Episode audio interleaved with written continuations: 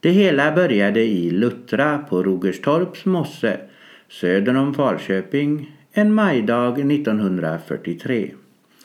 Carl Wilhelmsson höll på att gräva torv i mossen.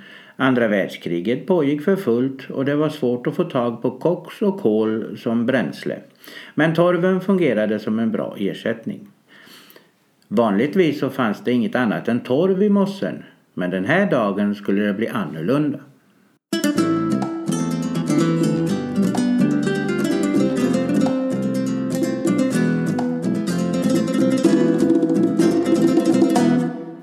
Hej och välkomna till JL Assistans podcast för ännu ett avsnitt.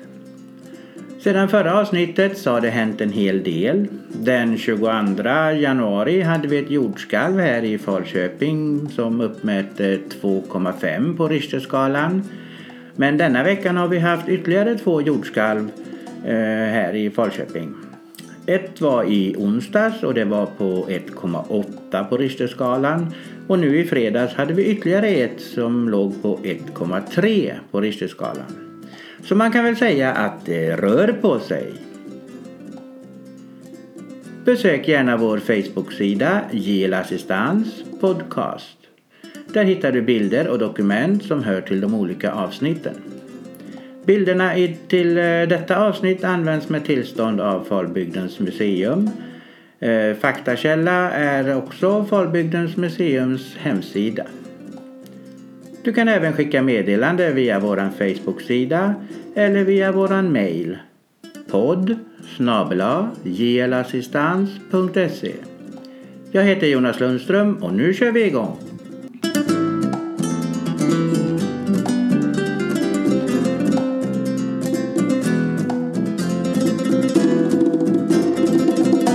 Nere i botten av torvdiket såg Karl delar av ett skelett.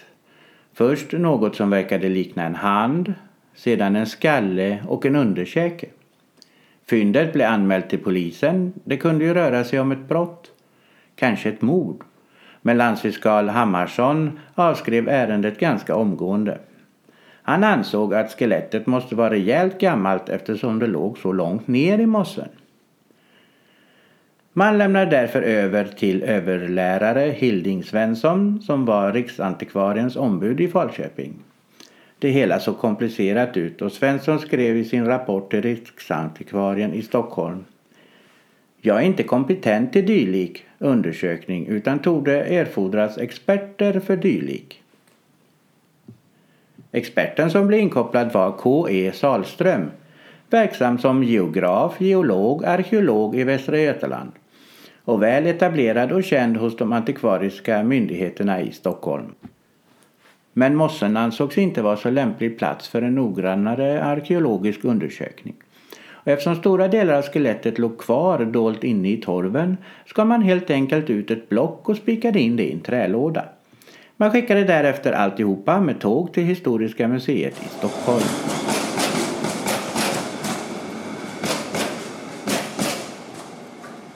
När man undersökte torvblocket med skelettdelarna var man mycket noggranna för att inte missa någonting som kunde förklara fyndet som sådant eller dödsorsaken. Men benen hade inga som helst spår av några slag eller hugg. Inte heller hittade man något föremål som kunde tolkas som mordvapen. Överhuvudtaget fanns ingenting förutom människoben. Med ett undantag. På den plats där magen varit, vid bäckenet, fanns en stor klump med små gulbruna kärnor. Stadsgeologen Ragnar Sandegren gjorde en analys som visade att dessa kärnor var fruktstenar från hallon. Slutsatsen blev att personen strax före sin död hade ätit en stor mängd av dessa bär. Då man redan visste att benen var från en ung kvinna så var hennes namn givet. Från och med nu kallades hon för Hallonflickan. Det sammanfattande omdömet av lämningarna var att ansiktet varit gracilt med väl avvägda proportioner och att det finlämmade skelettet stått i god samklang med den gracila byggnaden av kraniet och underkäken. Med dessa ord av osteolog eh, Nils Gustav Geivall är det hittills enda bilden som vi har av en levande hallonflicka. Vad som hände med Hallonflickan efter dessa undersökningar har varit svårare att reda ut. Fyndet väckte en viss uppmärksamhet åtminstone i fackkretsarna. I skriften 10 000 år i Sverige från 1947 som är en vägledning till museets utställningar om forntiden och medeltiden finns inget om fyndet omnämnt, även om hon då fanns med i utställningen. Under tidigt 70-tal togs fyndet bort och ställdes in i ett magasin eftersom benen började blekna. Mer än 20 år senare återvände Hallonflickan till sina hemtrakter på Falbygden. Sedan 1994 finns hon med i museets utställning Forntid på Falbygden. I många år har den unga kvinnan från Luttra stått i centrum vid massor av guidningar i utställningen. Det gåtfulla och samtidigt tragiska öde hon mötte en sommardag, eller kanske en sommarnatt, har berört många människor djupt. I museets utställning Forntid på Falbygden finns många fler kvarlevor efter människor som levde på Falbygden för 5000 år sedan. Skillnaden är att dessa skelett är funna i den tidens gravmonument, alltså gånggrifterna. Dessa lämningar upplevs troligen som mer naturliga. Människorna dog troligtvis på den tiden en naturlig död på grund av ålder, sjukdom eller olyckor varefter de blev begravda. Det som hände Hallonflickan är mer svårt att förstå för oss nutida människor. Kombinationen av ung kvinna och offer har gjort henne unik. För några år sedan föddes idén om att komplettera utställningen med en rekonstruktion av Hallonsflickans ansikte. Uppdraget gick till modellmakaren Oskar Nilsson i Stockholm. Han är arkeolog och konstnär med inriktning på skulptur. Oskar har sedan flera år arbetat med att tillverka dockor där ansikten med sina karaktärsdrag har varit det centrala. Många av projekten har varit uppdrag från museer. Förlagorna är forntida fynd av kranier och skallar från historiskt kända personer.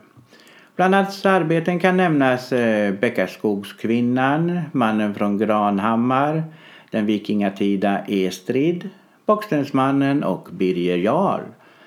Arbetet bygger på rättsmedicinska metoder som började användas för drygt 100 år sedan för att identifiera brottsoffer.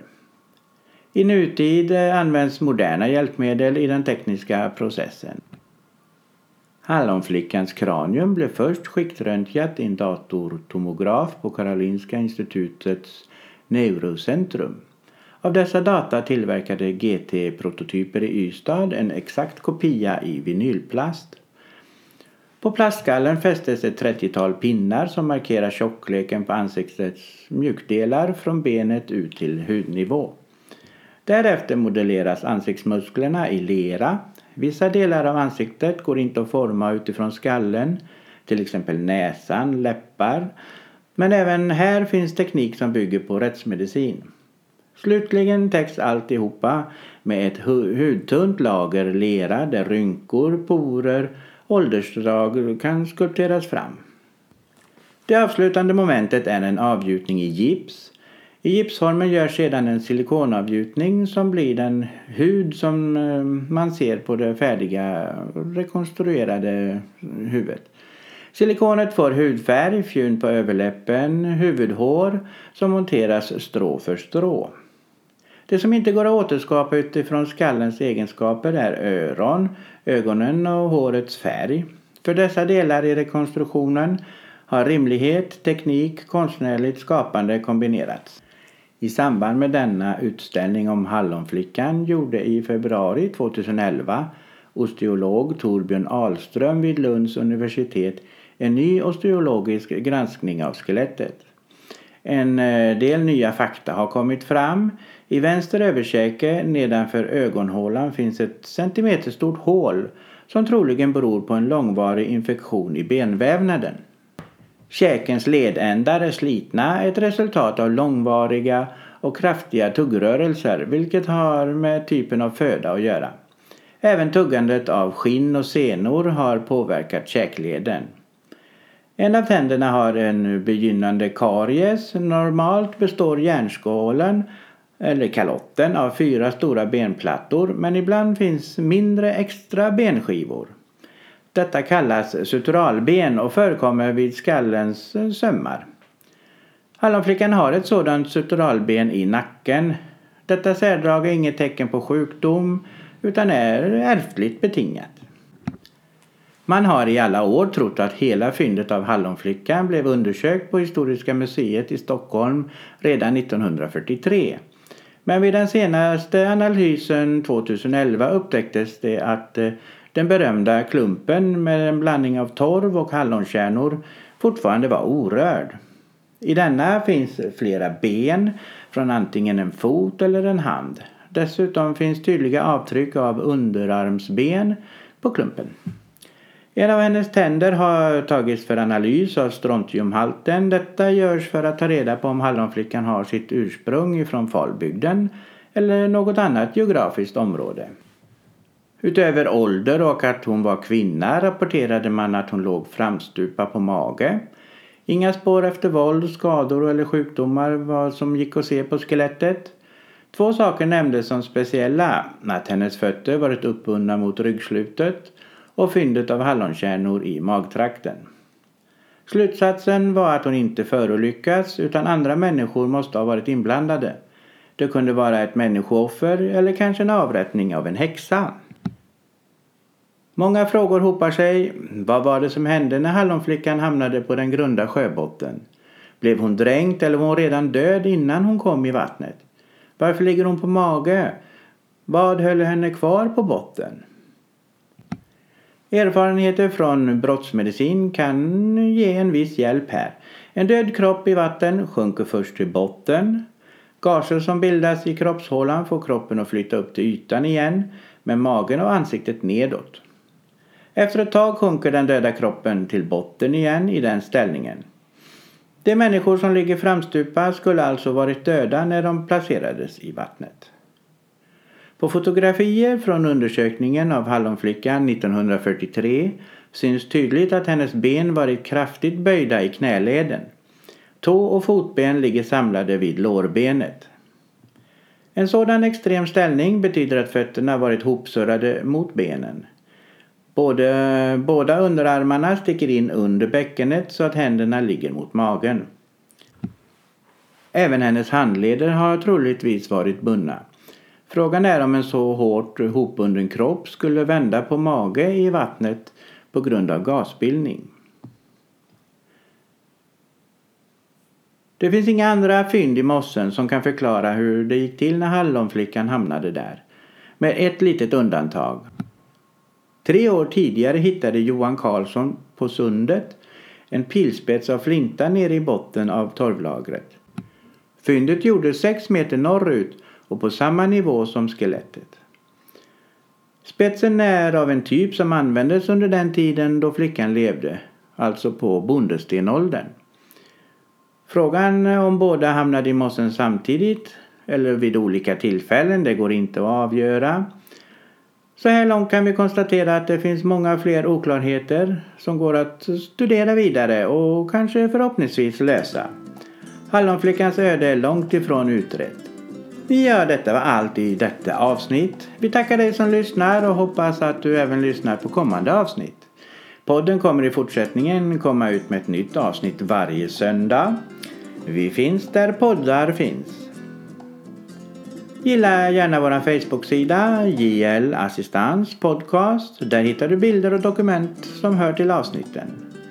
Du kan även skriva kommentarer och skicka meddelanden och det går även bra att mejla oss på podd jlassistans.se Tjingeling!